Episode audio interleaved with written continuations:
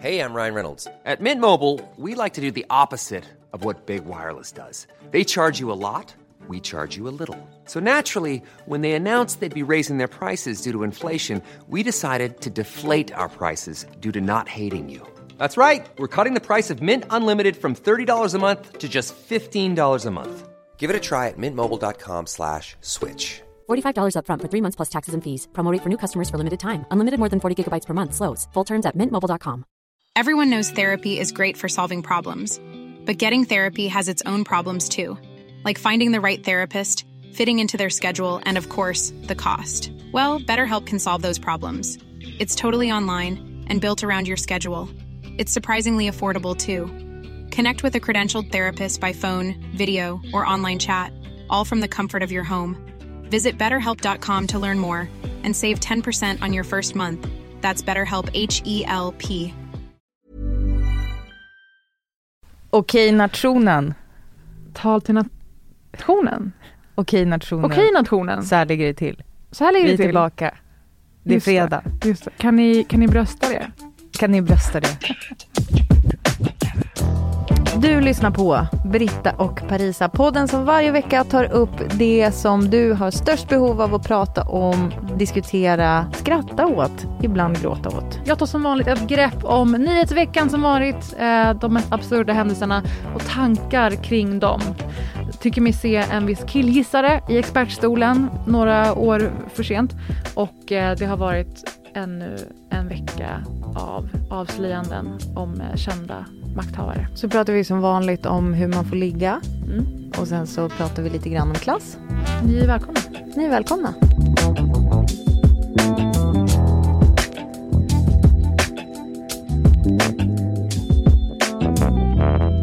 Vi måste ju innan vi börjar den här veckan belysa såklart att vi har förlorat en av the, the greatest i vår tid. Jag pratar såklart om skådespelaren Chadwick Boseman och eh, regissören var han ju också delvis. You would rather find purpose than a job or a career.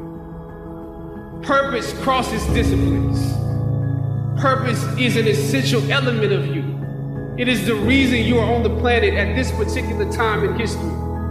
Your very existence is wrapped up in the things you are here to fulfill. Whatever you choose for a career path, remember the struggles along the way are only meant to shape you for your purpose.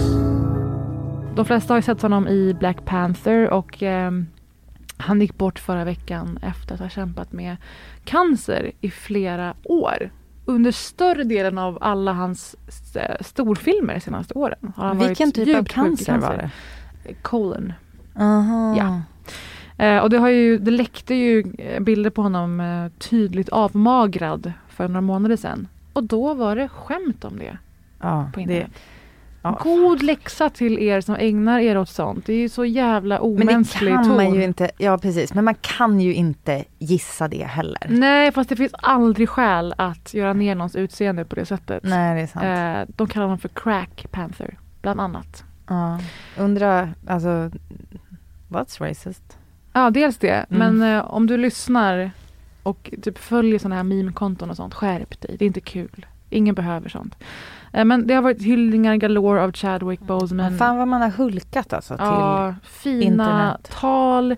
Jag satt och kollade igenom alla hans gamla tal egentligen. Från det här magnifika året när de fick så mycket priser på award season, min bästa season. Och eh, förutom att han då var så extremt vokal i frågan om re- om representation och att svarta människor ska porträtteras eh, med, alltså flerdimensionellt, som alla andra egentligen Mm. så var han ju också en person som har iklätt sig flera legendariska personer. Eh, för att han har nära till det här bombastiska på något sätt. Eh, vi har ju Jackie Robinson, legendariska baseballspelaren James Brown, soul och funk. Va? Ja, jag, jag tror faktiskt. Eller hur? Det, man säger man får sällan säga funk. Nej, jag vet. Det, det, det tar emot, men i det där Så- fallet tror jag man kan det. Soul och funkfenomenet. Och Ja. såklart Thurgood Marshall, första svarta mannen i Supreme Court, alltså högsta domstolen. Dessa har han alla haft förutom då King T'Challa. Rest in peace. Rest in power. Rest in power. Chadwick. Ska jag prata om mina saker som har eh, gett mig panik i veckan. Ja! alltså det, vet du vad, jag tänker ofta på Moa Romanova som har Mm. skrivit fantastiska serieromanen Alltid fucka upp. Ja, Otro- Alltså otrolig. hur... Hon är så begåvad, dels med att hon har te- tecknat allting såklart och sådär. Men också innebörden, berättelsen är fantastisk. Mm. Och jag tänker ofta på att den bokens titel i Finland är Panikki prinsessa. Eller, Är det sant? Eller Fy liknande. fan vad bra trivia. Och jag tänker på det när jag har panik. Moa Romanova är också bra följ på internet. Ja, verkligen. Det är inte en lugn stund. Så du har varit Panikki prinsessa vid tre Ja, tillfällen? fan det har jag Mm. på sistone. Känslosam vecka. Det började med att Polarbröds fabrik brann. Mm. Är du konspiratorisk? Vem tänker du skulle ha tänt på? Det har börjat, det har börjat vädras. Gene tunnbrödsbageri. Har det det? Det har inte jag hängt De med fick på. dra tillbaka, de fick eh, gå tillbaka med, de var väldigt tvärsäkra i hur det hade gått till. Men utredningen pågår fortfarande. Nej men berätta för det har jag missat. Ja, Jag hörde det på P1 i morse, gamla goda P1. Ehm, och det är allt, de har inte sagt att de har fel på något sätt. Men det pågår ju en utredning. Men du fick panik ändå? Vad tänkte du på? Eh, jag åkte till butiken och hamstrade. Nej. Jo, jag betedde mig som, som att vi hade fått larm om corona. Då jag drog iväg, fyllde bilen. Nej men det gjorde jag Det här är inte. Jag din fyllde... motsvarighet. Nej men det är helt sjukt. Alltså jag, jag betedde mig irrationellt Parisa.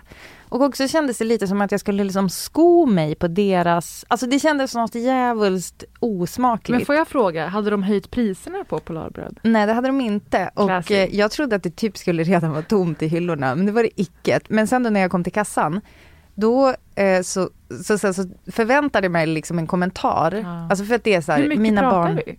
mina barn äter, alltså det är som favoritbröd. Mm. Det heter macka med backar hemma hos oss. Och då är det så här, den, alltså jag bara ser framför mig att det inte ska finnas. Jag vet, alltså jag vet inte Parisa, det är inte Du rationellt. projicerade Jag- dina känslor kring föräldraskap på Ja, polarbrödsbristen. Typ, ja, typ exakt, jag måste provida till mina barn. Det som alla kände med så här, och köpte havregryn och pasta, utom Paulos Mm. pasta, i våras. Eh, alla som liksom hamstrade och tänkte så här, jag måste provida till min familj. Mm. Så kände jag med Polarbröd. Så jag i alla fall kommer till kassan med famnen full. Och så förväntar jag mig som en kommentar av hon i kassan och så kommer den inte och jag bara, ja det brinner ju i fabriken typ. Alltså Mm. Det var var det ganska här- tidigt på morgonen. Var det här med?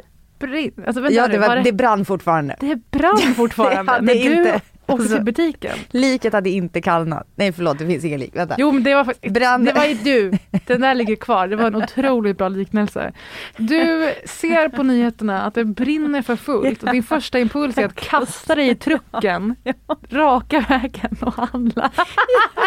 Och men vet du vad som var så jävla kul? Det var att när jag kommer Mm. till kassan, det är som att jag bara, ja, det brinner ju. Det gäller ju att se till att man säkrar tillgången. Och hon bara, ja men det är ju korvbrödsbageriet som brinner. Jag bara, va? Hon bara, ja de är ansvariga för alla, alla korvbröd i hela Sverige. Så jag måste kuta tillbaka. Du driver? De har två bagerier Ah. och det är liksom, alltså de gör så här korvbrödsbagaren och allt sånt där. Ja. Mm.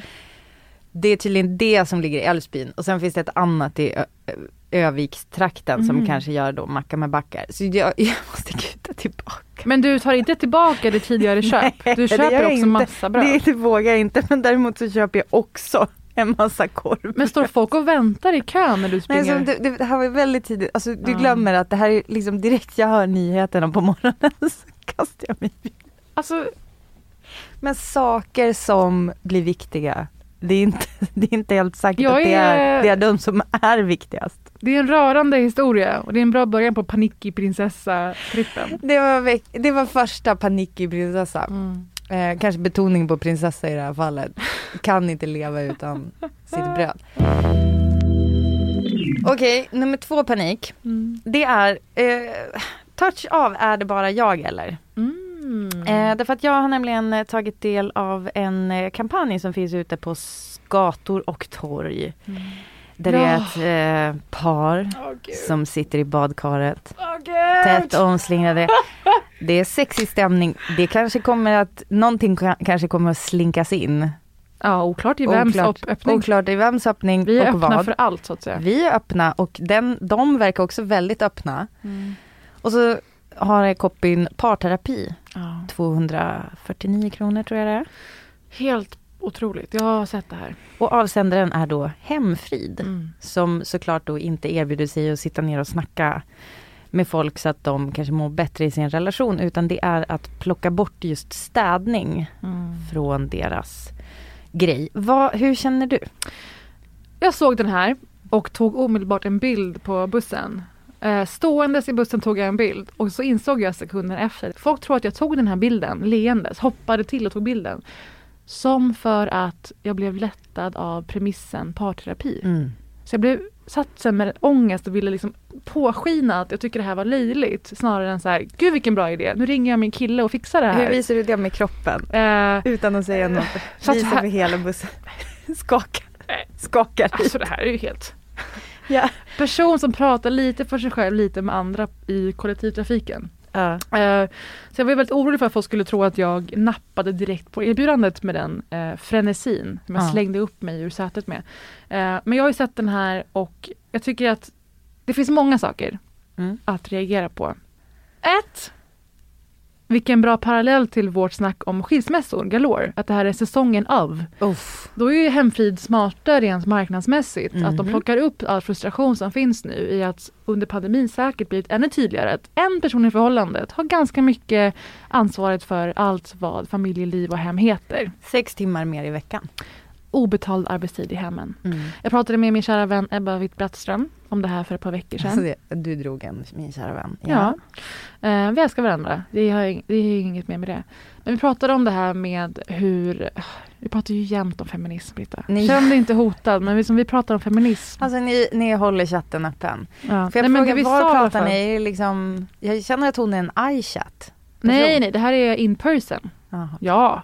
Nej, men och på- åt mat och pratade om Över att ett glas sherry. det enda som har hänt med feminismen är att mannen inte längre behöver försörja sitt gratis hembiträde. Utan kvinnor idag, moderna Oh. Sverige, försörjer sig själva men är fortfarande huvudansvariga för hem och barn. Aha. Fan vad hon nailed it! Jag försöker få henne att skriva en ny bok, Kingen Ebba. Eh, Så hon menar ju på att så här, vi har fått de här kraven eller förväntningarna på att vi ska också ha karriärer. Ja. Men utan att det har skett någon omfördelning vad gäller vem som städar. Det är ju också en ganska, alltså för det som jag kände som gav mig panik, det är ju Mm. så här att det är en ganska liksom känd fast inofficiell eller vad man ska säga eh, uppgift att när eh, ett par ska bli mer jämställda, Mm. alltså då ett välbeställt par, Ja. såklart, det här är en klassfråga. Absolut. Eh, då, är det, då är det så att inte att mannen börjar städa utan att han köper sig fri från städningen. Och sen finns det också, eh, jag, kan, jag har ingen undersökning att hänvisa till men det finns siffror på att det är också kvinnan som är ansvarig för research eh, av och också bokning av nämnda städning. Mm. Så att det, det är liksom ändå så är, på något sätt så är det så här ofta, oftast kvinnan som ändå på något sätt åker på att vara projektledare för Mm. Det här projektet som är då att mannen ska köpa sig fri från städningen. Det är så man blir mer jämställd i välbärgade par. Eh, och det eh, skrevs en ganska bra, jag är ganska glad över att jag inte var ensam om att reagera på det här. Eh, Sina Aldevani på Aftonbladet har skrivit en eh, bra, tycker jag, text om det. Vill du ha mer sex? Köp rutstädning. Mm. Och där tar hon upp det här att eh, eh, det är alltså, det gäller ju då såklart nämnda annons eller reklamkampanj. Eh, och eh, målgruppen som hon benämner medelklassens heteropar som bråkar om städning. Eh, I Sverige tar kvinnor initiativ till 70% av alla skilsmässor. Men det, nu, det är liksom på det, som du var inne på. Men med en bättre ekonomi minskar risken för skilsmässa. Och det är knappast för att medelklassen är mer jämställd än arbetarklassen, utan för att de nu har råd att köpa sig fria från stora delar av livspusslet. Men vilka är det som avlastar familjen? Främst fattiga kvinnor. Kvinnor som nu, tack vare det utvidgade rutavdraget, betalar ännu mer skatt som går till att göra det billigare att köpa deras tid. De städar toaletter, moppar andra familjers skit och får en sämre hälsa på köpet. Livslängden ökar för alla andra, men den sjunker för arbetarkvinnor. Oj, vad kärnfullt. Jag tycker det är så jävla bra. Vad hette hon sa du? Sina Aldevani, På Aftonbladet? Aftonbladet. Men det här är ju flera saker. Vi kommer direkt in på komplexiteten i den här frågan. Men ett, det är komiskt att det här landar i, som vi är inne på, säsongen efter sommaren, skilsmässopiken, men också efter det värsta pandemi, den värsta pandemi-isoleringen på något sätt. Ja. Att det här då tillhandahålls som en eh, allmän lösning istället för att ta, ta en titt på vad har vi för dynamik i vår relation och i vårt hem. Ja. Eh, och eh, det är ju komiskt i sig. Sen vad gäller städning. Ja. Det finns ju bättre system idag jag tänker för 20-30 år sedan i, eh, i skatter, i arvoden, i löner. Och jag tycker att, att det är ett lågstatusyrke det som behöver förändras. Vad det är för peng man får behöver förändras. Att det skulle vara något skamligt i sig, det håller jag inte med om. Menar du att jobba som eller att köpa den tjänsten? Det både och. För jag Ja. har ju jobbat, alltså jag har sommarjobb, städa. Ja. Det, det är ett jobb liksom. Eh, så, men jag tycker att det ska vara schysstare arbetsvillkor, schysstare arbetsdagar och bättre betalt Ja. för det jobbet. Men det är ju ändå intressant tycker jag, alltså för att jag, tyck, jag tycker det är svårt att ta bort från ekvationen vem, vems kropp det är liksom, Mm. som får lida då när ni har era mysiga parterapi. Exakt. Och det är ju om, man, om vi då liksom skänker en tanke till de som då inte har råd med städhjälp, att det Mm. istället leder till skilsmässor. Alltså den statistiken Ja. talar ju ändå sitt tydliga Går språk. inte att bortse från i dagens läge. 100 procent. Sen tycker jag inte att städning i sig är något eh, det, det målas nästan upp som en liksom kränkande, ett kränkande förnedrande yrke i sig. Men jag håller tror den är svår, alltså jag tror att den är svår för att eh, Men för när någon städar på ett kontor eller på, Ja. ett, på I- Ikea, mm, då säger det ingen någonting. Men just Nej. när det sker i någons hem, då Mm. är det plötsligt någonting förnedrande. Så jag håller Ja. inte med, också för att jag har haft så mycket mm, folk i min släkt som har städat i många, många år och är mm. duktiga på det. Jag tycker inte man ska se ner på deras yrkesval och vad de gör och att det per automatik skulle vara ett eh, sämre jobb. Däremot, som jag sagt ett antal gånger, så tycker jag att omständigheterna runt det Mm. behöver förbättras. Alltså jag tänker att alltså, ingången på det här är ju främst vad, vad männen inte gör. Exakt. Och hur många män är det som har tagit det jobbet Mm. som ett sommarjobb. Ja. Alltså, det, det känns som att det är, där finns det ändå någonting som jag tycker är intressant att gräva i. Mm. Och avslutningsvis, 0% smakfull reklamkampanj. Så genomskinlig. Mm. jag är så tacksam att du tog upp den. Panikprinsessan rider vidare på sin eh, vita springare. Bemaskad idag. ja. För att inte sp- sprida the rona. Det, alltså det är också, okej, ett litet PS i det här. Mm. Det, som du har pratat ganska mycket om, alla som så levererar alla de här gratistjänsterna nu, alltså så här gratis hemleverans. Mm. Hur är de skyddade mot corona? Alltså folk som ska eh, komma med mat hem till folk som är isolerade eller som ska komma med paket hem till folk som är isolerade. Eh, folk som ska städa hemma hos folk Mm. som är isolerade. Vem tänker på deras skydd, skydd? mot corona? Okej, nästa grej som jag fick panik av i veckan. Mm. 50-50 by 2020. Säger det dig någonting, Parisa Amiri? Någon slags eh, eventuell jämställdhetstanke detta år. Absolut. 2016 presenteras på, i samband med filmfestivalen i Cannes ett storslaget mål av dåvarande kulturminister Alice Bah Kuhnke och Svenska Filminstitutets VD Anna Serner. Otroligt. De ska se till att filmbranschen i Sverige blir mer jämställd Mm. och att 50% hälften av filmerna ska regisseras av kvinnor Mm. vid året 2020. Nu är vi 2020. Just det, det är vi ju. Nu sitter vi med facit i hand. Hur gick det då? Toppen eller? Av de 25 svenska långfilmer som har premiär senare i höst är sex regisserade av en kvinna. Det betyder att Filminstitutets och regeringens mål för en helt jämställd svensk filmproduktion inte är uppfyllt. Anna Serner, vd på Svenska Filminstitutet. Ja, men det är klart att det känns lite som ett misslyckande alltid när man inte når mål, eh, å ena sidan. Å andra sidan så hade jag aldrig eh, tron om att vi skulle vara i mål, det vill säga nu kan vi lägga ner hela arbetet efter 2020. Eh, grejen är att citatet från Anna Serner är ju då att hälften av ansökningarna hade de, eller hälften av bidragen, hälften av filmerna hade de inte någon bestämmande rätt över. Mm. Jag vet inte varför. Men nyckelordet här är väl ändå hälften. Mm. Så andra hälften hade de möjlighet att styra över. Kunde de inte styra dem så att det då blev bara kvinnor? Eller, vilket Anna Serner har djup insikt i med tanke på sitt jobb, att inse att det är ett strukturellt problem och samverka, samarbeta med fler eh, institutioner och produktionsbolag och studios. För det handlar ju om att det är ett hantverk som framför allt eh, lärs upp i och hos män. Alltså du och jag har ju sett det på arbetsplatser. Hur det tenderar att bli så att det kommer in två kreatörer. De är 25. Båda är intresserade av att skapa berättelser, berättande, vad det nu är. Kommer, har de gått på och så, och så rätt som det så börjar ena personen få väldigt mycket admin, admin-uppgifter hantera människor, och situationer och budgetar. Hon börjar på sig Acne pistolboots. Hon börjar på sig, förstår du? Det är alltså Kanske kvinnan. koka kaffe. Det är alltså kvinnan. Mm. Och så mannen, när han säger saker, idéer i paritet med kvinnans idéer, så är det ändå som att man skänker honom större projekt och större trovärdighet på grund av hans framtoning. Ja. Han blir oftare regissör och producent. Det ja. där är någonting som fostras så sjukt tidigt i kreatörers karriär.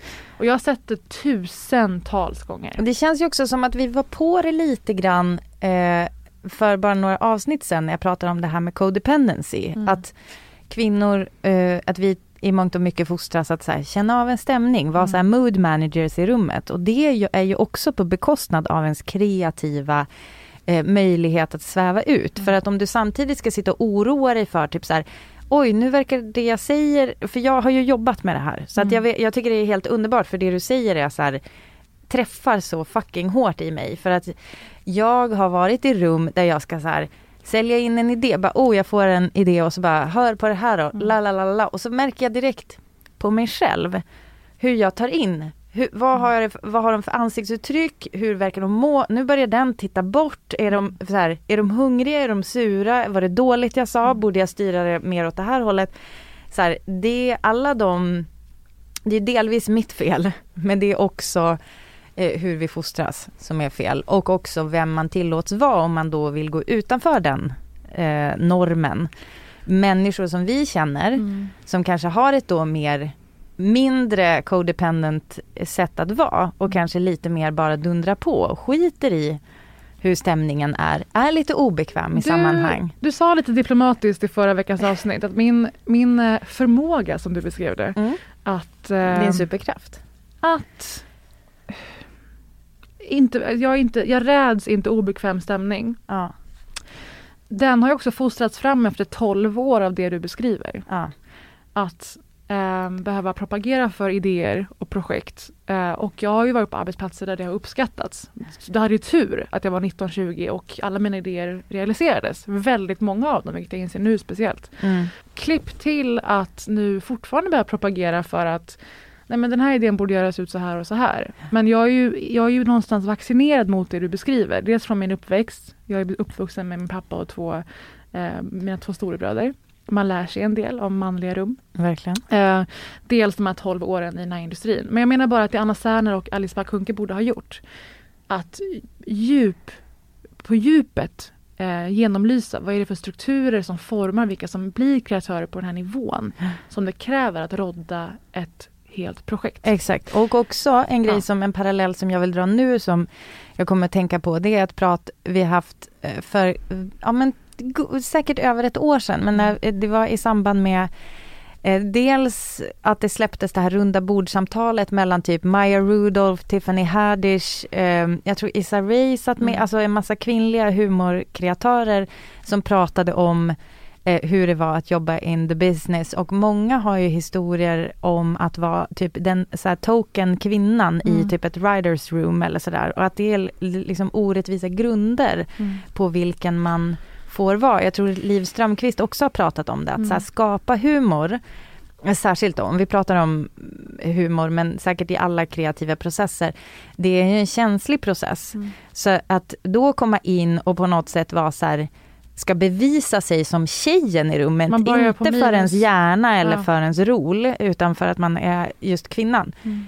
Det är jävligt, o- precis, man börjar på minus och Mm. det är en ganska, just när det gäller kreativa processer är det ganska dåligt att inte känna trygghet, eh, Mm. frihet att sväva ut, göra dåliga idéer. Nej men Och fallhöjden också. Ja. Fallhöjden. Vi Exakt. vet ju det, så fort det görs ett projekt med merparten kvinnor eller av en kvinna, då är det så jävla mycket på spel. För om hon misslyckas, då har hela jävla kvinnosläktet misslyckats. Vi har ju Ja. Ghostbusters-filmen till exempel. Det var ju Paul Figg som var den som regisserade den, men det var med merparten kvinnor i casten. Och den blev ju toksågad innan de ens gick ut med filmen på den premissen.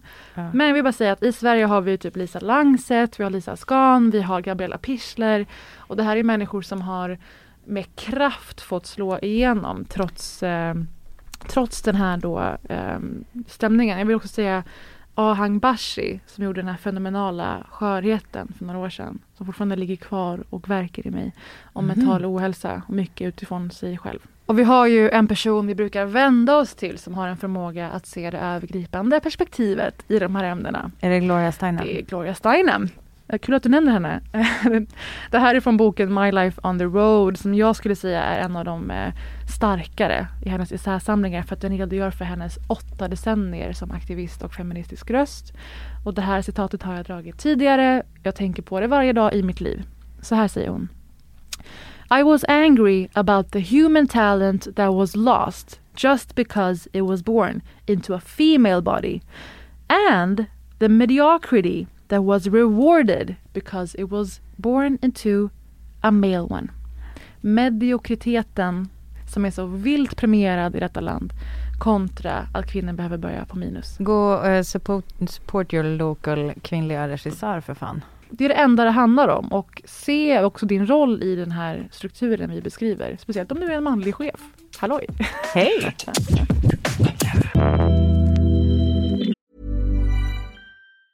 A lot can happen in three years, like a chatbot may be your new best friend. But what won't change? Needing health insurance. United Healthcare Tri Term Medical Plans, underwritten by Golden Rule Insurance Company, offer flexible, budget friendly coverage that lasts nearly three years in some states. Learn more at uh1.com. Hey, I'm Ryan Reynolds. Recently, I asked Mint Mobile's legal team if big wireless companies are allowed to raise prices due to inflation. They said yes. And then when I asked if raising prices technically violates those onerous two year contracts, they said, What the f are you talking about, you insane Hollywood ass?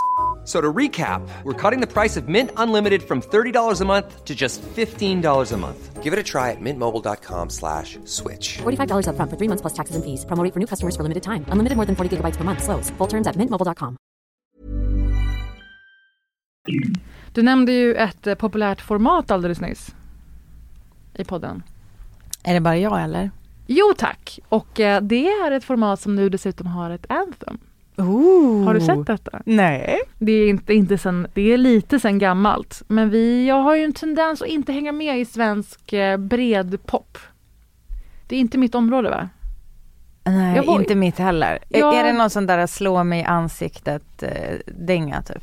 Ja, förlåt men det är så själlöst och eh, Ja. man mår dåligt. Nej, jag vet. Men en av poddens favoritpersoner har förkroppsligar numera Är det bara jag eller poddformatet med sin nya dänga som han körde på Nyhetsmorgon i veckan hade premiär för den här debut. Vänta. Den släpptes i somras redan men nu först upptäckte jag den såklart. Vänta, kommer det här handla om Benjamin Ingrosso? Tyvärr inte. Nej, okej. Men Benjamin ring mig. Ehm, däremot den här personen. kan skapa något, göra skillnad, göra gott. Mm, jag kan... Kom igen. Nu.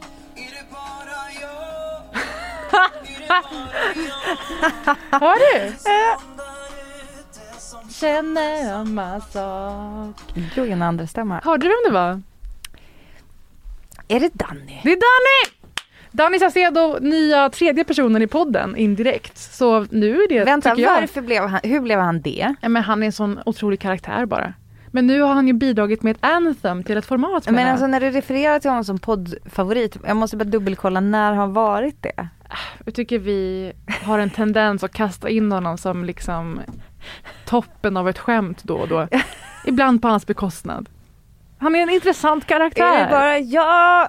Är det bara jag? Perfekt. Så Den ja, lär vi ju ha som melodi nu ah, från Ni med. anar ju. Mm. Eh, då säger jag så här. Nu kör vi poddformatet Är det bara jag eller? Är det bara jag? Är det bara jag? Finns det någon där ute som känner samma sak? Okej, den första av veckans, det har varit en otrolig nyhetsvecka. Mm. Det pågår saker där ute. Det är faktiskt väldigt svårt att hänga med nästan i allting, måste jag själv personligen er- erkänna. Mm. Och då börjar vi i, i den här, nummer ett. Är det bara jag eller har Leif GW gissat tillräckligt i TV? Berätta genast mer. Alltså blir du orolig för mig nu att jag vågar yttra de här orden? Eh, alltså, jag är med, jag, jag blir intrigued av, jag trodde inte att du liksom tog del av GV. Jag trodde att du inte orkade. Mhm. Ehm, nej men alltså jag kan verkligen höra hur någon någonstans påbörjar processen att dra in mitt medborgarskap. Det, det tar ju emot för de flesta att våga ens vädra någon slags tvekan inför Liv GWs eh, stil och Mm. avtryck. Ehm, man sitter och raserar en nationalskatt i podden. Det är inte det, det är ingen mygga avstämning vill jag säga. Nej. Utan det behöver ske någon slags förändring. Ja. Nu ska jag berätta varför. Alltså, ja, han är väldigt underhållande. Man lutar sig fram Mm. när han är med på TV. Det händer oförutsägbara saker, inte minst i kroppsspråket. Och det här har ju eskalerat under den här isoleringstiden. Om du ser honom på Nyhetsmorgons morgonsändningar, reportrarna är inte superrustade i att bemöta hans olika eh, uttalanden och påståenden. Nej det är ju Dels. svårt när man är den typen av reporter, alltså när man är lite så här mer by the book reporter eller programledare och hantera en GV som är en sån jävla loose cannon Mm. rent Och han, han får ju socialt. jättemycket fördelar också av fördröjningen. Den gör ju att de inte hinner komma med så här, men hur menar Mm. du nu? Och då hoppar de hellre över det. Just det. Det blir så mycket avbrott på något sätt. ja, han har verkligen smart. odlat Mm. en, en annan persona tycker jag senaste halvåret. Mm. Alltså så Ehm. han sitter hemma och är med på länk och Ja. då menar du att just på grund av typ det virtuella Mm. sam, äh, alltså samspelet så är det som att mycket av hans grejer bara får flyga, flyga under radarn för att det ingen orkar ta tag i det. I Sverige gäller svensk lag, punkt va. Och det måste även de här personerna förlika sig med. Är det vanligt att man... Men, men det är anledningen. Eh, Jag är ju mer den där gamla hårdhudade typen som, som tycker att man ska jaga dem med blåslampa. Va? Och ta varje tillfälle och stoppa in dem på, eh, ja, i finkan om de är gamla nog och annars på den här eh, slutna ungdomshem där de inte kan ta sig ut alldeles enkelt. Det är invandrare och flyktingpojkar från företrädesvis eh, Mellanöstern, Afghanistan och eh, västra Afrika. Eh, ute i det här området, det är mycket somalier där och de tillhör samma församling och sådär. Familjerna känner varandra och punktligt sådär ett antal gånger varje år så tar de koll på varandra. Va? Och det har blivit väldigt speciellt att se honom prata på hans så här egna släpiga stil. Knarriga, ja. ja. diplomatiskt. Ehm, och han kastar de här drastiska omdömena runt sig. Och jag tycker att det här slängiga sättet att prata om väldigt komplexa, väldigt infekterade samhällsfrågor börjar eh, kännas... Jag, jag nöjer det med oprofessionellt. Nummer två, är det bara jag eller från veckans nyhetsflöde? Är det bara jag? Är det bara jag? Eller har medier fått samtalet om hårt sex att bara handla om tjejer? Har du en aning vad det kan handla om? Ja, handlar om Lisa Magnusson. Det är tjejtidningar som ligger med tjejer. Det är det som är så intressant att det, är, det handlar uteslutande, man, de enda man könar i diskussionen om hårt sex bland unga Mm. är tjejer. Mm. Det är ett kön vi ändå kan prata om tydligen. Mm. Eh, och ligger de med andra tjejer och får de här fruktansvärda skadorna, tänker vi. Jävlar vilket hårt Ja. lesbiskt sex. Mm. Det måste vara ett anhang av saker som pågår. Verkligen. Till att börja med så vill jag säga att allt ifrån P3 Nyheter till Morgonstudion till SVT Nyheter har närmat sig diskussionen som pågår. Vi tog upp det för några veckor sedan eh, om barnmorskan som larmade, vittnade om att allt fler unga flickor uppsöker vård, kommer till ungdomsmottagningarna efter att de har sår på slemhinnorna, i slidan, blygdläpparna, vittnar om att sexet gör ont. Och där har ju framkommit att pojkarna de ligger med Mm. har lärt sig vissa sexaktiviteter på, så kan vi säga internet, porr. Ja, jag tycker att det är bra att hon, att hon gick in på det direkt. Mm. Hon skrev inte så här, prata med era tjejer om Ja. vad de ska liksom tillåta från en sexpartner, utan hon sa så här, prata med era tonårssöner. Så det var så jävla bra att hon från början, från början tycker jag det här handlade om, Mm. hur, vad lär vi våra pojkar? Just det. Och vi pratade om det, hur pratar man med sina söner Mm. om så här känsliga saker? Eh, och jag tycker att det börjar redan i, alltså så pass tidigt som mina barn är nu, att visa, att, eh, lära pojkarna att ta ett nej, Mm. att lära pojkarna att känna av, att vara empatiska, att kolla, är det här okej? Alltså verkar Essa tycka att det är mysigt med en kram just nu? Annars säger jag nej, även fast han, han bara är ett år. Nej, men, och, eh, det var alltså barnmorskan Katarina Svensson Flod. Eh, P3 Nyheter hade en stänkare om detta. Unga pressas till hårt sex. Eh, barnmorskan träffar unga med sår i underlivet, bristningar och hemorrojder, säger P3 Nyheter. Och först längre ner framkommer att det är ju unga flickor såklart som kommer till ungdomsmottagningen med de här skadorna.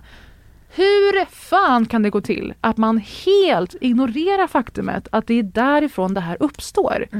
Att flickor har sex fast de inte vill kan ha alltså, fruktansvärda konsekvenser för hälsan gynekologiskt och Ja. allmänt Ja. resten av deras liv. Ehm, det här har jag sett i flera medier att man skriver unga på det här sättet, väldigt vaga sättet om skadorna och om pressen. Det kan- inte bara handla om platsbrist. Nej! Och sen då Lisa Magnusson som vi återkommer till gång på gång i den här podden. Eh, hon, skrivit, hon har skrivit för DNs ledarsida i många, många år. Hon lyckas inte bara eh, ignorera faktumet att män är inblandade Jag tror inte ens att killar nämns någon gång i hennes text. en enda gång. Däremot nämns kvinnor väldigt mycket. Det sker alltså en total ansvars och skuldförflyttning till unga tjejer. Så här skriver hon. Till hennes försvar så återger hon vad eh, Katarina har sagt i Svenska Dagbladet och sådär. Att killen trycker ner sin knytnäve mot tjejens mage.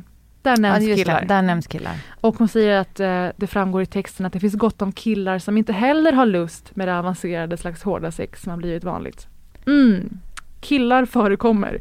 Däremot sen när hon ska göra en problemanalys, en välbetald hög position hon har på DNs ledarsida. Hennes analys, den lyder så här.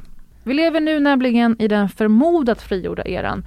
Jag säger förmodat eftersom det uppenbarligen fortfarande är svårt att prata om sex och om lust annat än på det där demonstrativt framfusiga sättet som kännetecknar tjejtidningarna och satsningarna i public service. Och då syftar hon på en programserie som handlade om att allt fler kvinnor onanerar och använder sexleksaker och hellre vänder sig till det än till att ligga med en man. I här- wonder fucking why. Ja.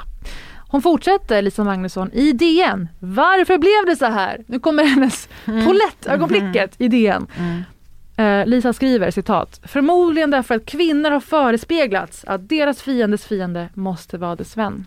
Om förtrycket i många hundra år handlat om att kontrollera deras sexualitet så är väl lösningen att ta en näve p-piller och morskt ge sig ut på stan. Det alternativ som bjudits har varit fortsatt snörpigt tal om avhållsamhet eller i den sekulära svenska tappningen propåer om statliga porrfilter och förbud. Men de problem vi har nu beror på att vuxenvärlden misslyckats med att förklara det viktigaste för unga. Inte att de ska säga ja eller att de ska säga nej. Utan att de måste vara lyhörda både inför sig själv och andra. Hon alltså bakar ihop en otroligt könad fråga till att Mm. handla om vuxenvärldens svek mot alla unga. Mm. Och hon, av, hon avfärdar också alla försök som har gjorts för att komma, till, komma närmare till att unga flickor och kvinnor ska få ha en egen eh, sexualitet Mm. och lust. Ehm, och som sagt nämner bara killar i ett stycke och det är någon återger vad Katarina har berättat. Anar jag liksom en liten typ skyll dig själv-ton i det där? Dels det. Dels att ansvaret och skulden och problematiken eh, ligger framförallt hos kvinnor. Hur Ja, de och deras förhåller beteende. sig till sex. Eh, Alltså för att det där med att liksom insinuera att det är något slags lösaktigt, för det är lösaktighet jag hör i det där. Att man ska typ ta, ta en näve och kuta ut på stan och knulla. Alltså grejen är ju att när det gäller, eh, som vi vet genom statistik, våldtäkter, men också vad jag tolkade i den här barnmorskans berättelse, så är det ju ofta eh, människor som har sex med någon som de står nära, alltså kanske någon som de är ihop med. Det handlar inte om någon slags lösaktighet, utan det handlar om att det är så här människor, på unga, det är så här, det handlar om att det är så här unga pojkar idag tror att de ska ha sex med sina, ofta flickvänner. Alltså det är, inget, det är inget knulla med främlingar ute till höger och vänster som ger det här sexet. Alltså inte bara. Därför att det hon bevittnar, jag tycker liksom att det där handlar om man måste liksom ta i beaktning att varför står många tjejer då ut med den här typen av sex? Det är ju ofta för att det är någon som de är kär i Mm. eller litar på eller Alltså det är ju, Vi gjorde den ju- variabeln ja. saknar jag fan i det här. Är hon ledarsidornas GV? Hon får slänga sig med helt ogrundade, illa förberedda uttalanden eh, och skrapar bara på ytan till ett massivt problem som handlar om könsroller, som handlar om att kvinnor från unga att de här unga flickorna får lära sig tidigt att deras syfte är att behaga män och finnas till för dem. Och att om de då vill göra X och Y, då gör de det fast de egentligen inte vill. Förstår du hur otänkbart det skulle vara att man skulle ställa upp på någonting man egentligen inte vill om man inte fått lära sig, fostrad med att det här är vad du är till för. Ja. Eller för att få omtanke och kärlek och uppmärksamhet och kanske annat sex du gillar Ja. så måste du också göra de här grejerna. Det, det ska mycket till menar jag. Det uppstår inte i ett vakuum. Och de här skadorna, Lisa Magnusson, uppstår inte heller i ett vakuum. Utan det är pojkar som knullar på de här tjejerna och de här skadorna uppstår. Eh, och det saknade jag. Att man skulle belysa det extra mycket. Att det finns en våldsnorm bland unga män i hela världen. Och att den har gift sig olyckligt med en sorts extrem porr som har blivit mainstream-porr. Alltså killar har åren. sex mot tjejer istället för med tjejer. Tack. Är det bara jag? Är det bara jag? Finns det någon där ute som känner samma sak? Nessa, sista är det bara jag eller från den kaotiska nyhetsveckan som har varit. Det är såklart denna. Är det bara jag eller är skäll om cancel culture? Det nya sättet att anklaga kritik för att vara en lynchmobb. Är det bara jag? Eh, det, eh, här har du en till. Det är, det är bara vi. Det är kanske inte bara du och jag. Herregud alltså. Om vi börjar i begreppet cancel culture och sen tar Ja. oss an olika sätt det har yttrat sig på Mm. senaste tiden. Vad, vad känner du för begreppet cancel culture? När kom det in i ditt liv? Vad har du för uppfattning om det? Oh! När kom det in i mitt liv? Vi pratade ju om det i vår, var det tidigt våras eller sent i höstas? Men det, ha- alltså vad var det då som drev det? Det var väl, Nej, men alltså, alltså, det vad- började, nej men så här. Ja. Det började väl få fäste mainstream liksom i och med metoo. Att folk började liksom tacka nej till typ Louis CK. Jag är inte intresserad av hans humor längre Mm. på grund av det han gjort och så vidare. Och så pratade vi lite grann, det vet jag att vi pratade i den här podden, om så här, kan man skilja på verk och person? Eh, vi pratade om R. Kelly, ju- kan vi lyssna på Chris Brown-låtar Ja. och så vidare. Och jag ja. gjorde ju en djupdykning just i eh, våldtäktskultur och i Louis CK. Ett, två olika produktioner just det året när det begav sig. Eh, och blir fortfarande tillfrågad att prata om de här sakerna. Men jag tackar ju nej när det är den givna vinkeln cancel culture. Jag Mm. vill inte legitimera det begreppet. Och varför inte? Innan vi går in på varför jag känner att det skaver, det här begreppet, kan vi bara säga att frågan är aktuell igen den här veckan. Igen, den är aktuell hela tiden på ett sätt. Ja. I och med att vi har, det har varit snack om Ellen DeGeneres, det har varit snack om alla möjliga som har, där det har vädrats att de har opassande stil som chef eller som partner eller att de har legat med folk mot deras vilja. Det har hänt saker de senaste åren. Det är aktuellt just den här veckan. Inte minst för att det blev känt att en svensk artist inledde en sexuell relation med en minderårig för några år sedan. Hon ska ha varit 15 år. Vid tillfället, vilket han Första visste gången. och har erkänt. De träffades. Mm. Han menar på att han trodde att hon var 18, men att det sen framgick att hon var tonåring. Och då de fortsatte han ligga med henne för han ville så gärna vara med henne. Satte Citat slut. ligga med henne. Och han var alltså närmare 30 år gammal när det här började ske. Jag antar att du har sett den här historien på Instagram. Jag har det och jag Mm. kan faktiskt säga att jag blev ehm, min uppmärksamhet riktades mot den för att det var folk som hörde av sig till mig och ville att jag och såg att jag följer den här artisten Mm. och ville att jag skulle avfölja. Intressant till Mm. ämnet. Men det är intressant eh, för att jag gjorde faktiskt det. För Ja. jag blev så illamående av hela historien. Och sen så känner jag också att, alltså, ett hur ska jag säga det här? Alltså, Det är ett sätt att visa stöd.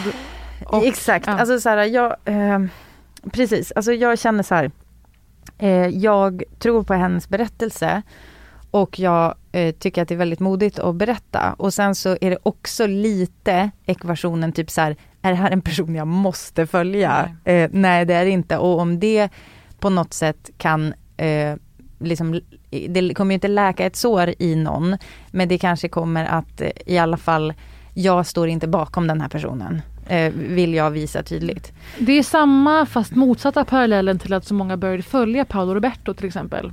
Han Ja. har ju fler likes än någonsin nu. Åh herregud. På något sätt. Alltså vad fan, fan vad mörkt. Mm. Eh, och sen ska artisten dessutom ha postat en fake polisanmälan. Den har jag läst. Säger allt fler att den är, den är helt fake. Den är helt fejk och det, är, det var kul. Det, där tyckte jag att internet var lite roligt att det var så här, använd i alla fall rätt typsnitt. alltså det är typ så anteckningar, typ snittet. Alltså är det här sämre krishantering Areal. än när Paolo hävdade självskadebeteende i våras? Eh, det, det är det. Det är nivå, Satan. alltså en par. Satan. Eh, men då förstår ni att det har varit prat om cancel culture. Att det har slängts runt. Och så här känner jag. Jag känner att det har blivit ett begrepp som används alldeles för brett. Det används från fall som med Kevin Hart där det uppdagades tio år gamla tweets med homofobiska skämt innan han skulle leda Oscarsgalan där man egentligen avkrävde en ursäkt och en förklaring. Och han valde personligen att inte då göra Oscarsgalan. Ska man ha in mind. Eh, det används också när det kommer till typ Michael Jackson. Och då är man så här, är det proportionerligt att kalla även det för cancel culture? När det framkommer om en sån gigant, makthavare mind you, att han ska ägna sig åt predatory behavior i flera decennier. Ja. Är det också cancel culture? Då? Men det är ju också ett, det är också ett slags whataboutism. Alltså, Ja. eller hur ska jag säga? Det är ju Mm. att flytta det från grejen vi faktiskt pratar om. Här har vi typ en, en förövare eh, som har gjort någonting hemskt. Om man då ska börja prata om det faktum att eh, ehm, folk piskar um, upp en stämning kring det eller liksom att folk börjar avfölja eller jag kan tycka att det finns vissa sidospår där som är lite så här överdrivna. Kan vi istället prata om det faktum att det här hände? Alltså kan vi hålla fokus där? För att det känns som att då när man börjar prata om cancel culture så blir det istället, det är också när folk börjar slänga eh, begreppet PK. Mm. Ja, du, det är bara PK. Ja, Okej, men kan vi istället prata om vad det är, som av, vad är det för ämne som avhandlas? Mm. Istället för att prata om det ni tycker är liksom något slags eh, flagg under vilken det här kan sorteras. Men nu såg jag upp Watergate. Var det cancel culture? Bill Clinton och Monica Lewinsky. Var det cancel culture? Det var väl ingen som cancel, ja i och för sig Monica Lewinsky cancellerades. Exakt! Ja. Det var väl verkligen resultatet av den frågan. Så här är det, att det är som att all kritik som har ursprung i just frågor som har med typ homo och transfobi att göra, rasism, feminism och övergrepp att göra. Just de, den poolen av kritik, det ska man avfärda bara som cancel culture. Ja. Någon slags drevlik rörelse på nätet som helt urskillningslöst bara halshugger folk om de har gjort minsta lilla fel. Så målas det upp, att det är någon Ja. slags överdriven motreaktion. Det det handlar om är att det finns en maktobalans mellan eh, parterna. Det finns en person som har kändisskap och pengar ofta på sin sida och en person som är den mindre personen och därför blir att folk vill visa sitt stöd eller sitt, sin delaktighet genom att eh, hålla frågan vid liv. Black Lives Matter. Är det fucking cancel culture? Men det kan också handla om i vissa fall till exempel bara så god journalistik. Ja. Alltså det är att man lyfter fram någonting, eh, alltså det här har hänt, det här och det här och det här Mm. bygger bygger det eller Mm. det här, vi- de här vittnena finns, de här personerna träder fram och berättar om det. Mm. Och att det då i sin tur avfärdas som Mm. så här Men därför jag cancel säger, culture eller ett drev eller... därför jag säger Watergate. Mm. Eller varenda gång det har uppdagats någonting, någonting märkligt om en Mm. makthavare. Mm. Säg en ledarskribent på Aftonbladet. Säg Mm. eh, en politiker, vad det nu må vara. Det är så här att det alltid har det ju avslöjat saker om, om maktmissbruk och om Mm. hemska saker. Eh, och det ska ju då behandlas och det ska, då ska ju fokus vara på kritiken och de påstådda handlingarna i sig. Det går så snabbt att fokus flyttas Det till det som är de som kritiserar. Ja. De som vänder sig mot ett beteende eller handlingar som är fruktansvärda Ja. mot en annan person. Och cancel culture, eh, det var ju det här med Josefin, dokumentären, Mm. förra våren. Just det. När det protesterades utanför maktinstitutionen Dramaten. Och väldigt snabbt började ord som lynchmobb kastas runt. Mm. Ord som också känns igen från Trump. Mm.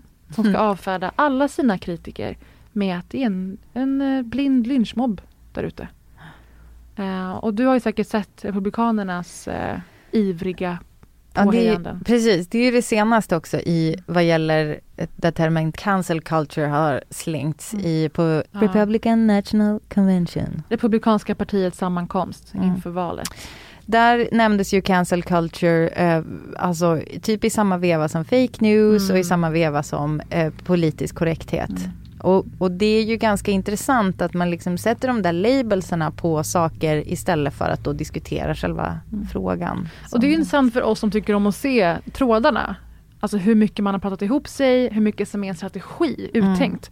För de hade två större spår i år. Det ena var att en nation under Joe Biden kommer vara per automatik ren och skär laglöshet, våld, städerna Mm. kommer brinna. Det är så de målar upp ha- hans förmodade styre. Mm. Nummer två är som du säger cancel culture. Och det var så genomskinligt. Och en av mina favoritkonton, Now This. Now This har massa underkonton. Och just på deras Now This Politics så har de ett sammandrag på hur mycket cancel culture förekom på RNC i år. Så här lät det. They can't cancel our heroes. Political correctness and cancel culture are dangerous. Our country wasn't built by cancel culture. You cannot cancel a culture that loves its heroes. Alltså det är som en SNL-sketch. They can't cancel our heroes. Alltså det är ju det, man vill ju skratta men man vill ju också gråta och Mm. Med tanke på att det var det som diskuterades och eh, alltså det här kanske är för mycket sidospår men du vet de hade ju någon jävla, något par som försvarar sitt hus med sina vapen och skitrika. Och att det är det som man pratar om istället, alltså så här, Kyle Rittenhouse gick ut och sköt folk, har han dödat två pers. Eh, en 17-årig white supremacist, Mm. Trump supporter. Mm. Att de ändå har mage och liksom glorifiera rätten att ha sina vapen och så vidare. Eh, och eh, Nej, men- faktiskt reducera Black Lives Matter-rörelsen. Alltså mitt i den här brinnande, alltså vet du jag har på riktigt, alltså jag har på riktigt gråtit så Mm. mycket i veckan. Eh, I ren Alltså hopplöshet, alltså jag, jag får, eh, det rör ju inte mig personligen så, Mm. men jag får sån jävla eh, ångest över världen. Mm. Med, givet det som har hänt i Kenosha, Mm. Wisconsin. Eh, och där då eh, Jacob Blake blev eh, skjuten sju gånger i ryggen. Eh, Obeväpnad. ja, de säger att han hade en kniv i, I bilen, bilen. som han då kanske var på väg att hämta. Det vet vi inte. Hans tre barn bevittnade denna händelse när deras pappa sköt. Han är åtminstone förlamad. Vi vet nog inte just nu i skrivande stund vad, hur det kommer gå för honom. Men Eh, och en 17-årig eh, Trump-supporter går ut uppmanad av polisen Mm. att eh, eh, beväpnas, att hjälpa polisen mot de här demonstranterna då som, som alltså demonstrerar för att svarta ska behandlas som vilka människor som helst. Det Och är den- det som är... Och Det är kolla inte, snälla inte på de här klippen. För jag vill Nej, också nej. motverka att man liksom Nej, ehm, delar de inte. glorifierar. Jag vill motverka att man liksom sensations... ehm, tittar på våldsklipp mot är- svarta människor. alltså, det är vidrigt. Eh, men just det, han Men blir alltså också jag- uppmuntrad av polisen i sin närvaro när Exakt. han brutalt och rått har avrättat två Och det där, personer. det där handlar om, alltså den där, det där klimatet Mm. där man har en retorik politiskt. Alltså jag, har- jag har ett längre prat om det som jag tänkte ta nästa vecka. Mm. Eh, men det är skadligt. Alltså det är inte eh, i ett land där Trump inte hade varit president eh, så kanske här, den här stämningen inte hade piskats upp Mm. på samma sätt. Vi pratar ju återkommande om hur retorik bidrar till att avhumanisera och spä på motsättningar. Verkligen. Apropå det jag var inne på med, säg GV eller Ja. med, säg Lisa Magnusson. Att det är så här ord färgas. Det är så här ord vävs in i värderingarna som blir vår, vår kollektiva värdering helt enkelt. Ja. Och däribland har vi då cancel culture som används för att avfärda kritik mot makthavare. Så snälla håll utkik efter den eh, lite obehagliga trenden som pågår. Och eh, det här var det jag hade att tänka på och ville dela med mig. Under flagget, är det bara jag? Eller? Är det bara jag? Är det bara jag? Finns det någon där ute som känner samma sak? Vi hade en kommentar till nästan allt som har hänt Ja. sen förra veckan. Mellan oss. Jättekul när det blir så tycker Jag jag. är helt matt av den här nyhetsveckan. Ja, men det, det blir ju... Fördelen är att det blir som godispåsestämning i podden tycker jag. Mm. Vi väljer och vrakar. Jag älskar podden. Jag hade velat prata om Lovecraft Country, nya HBO-serien. Nej, Mm. det får bli nästa vecka. Mm. Diverse böcker jag läst. Och såklart om riktigt våt fitta. Det blir nästa vecka. Anar du vad det handlar om? Eh, handlar det om Cardi B? Wet ass pussy. Där jag tycker att exakt alla har haft fel i sin analys. Och det är ofta det som är min känsla till att Låt oss prata om det. Och sen nästa, nästa vecka kommer jag att ge dig ett quiz! vi, vi, alltså vi turas om att eh, få den andra att svettas i Mm. den här podden. Så trevligt, så kul. Mm. Men hörni, tack för att ni lyssnar. Tack för att ni lyssnar. Vi Ni finns bäst. ju på internet och vi finns också i den här podden. Så vi hörs. Ha det så bra. Puss och kram. Hej då!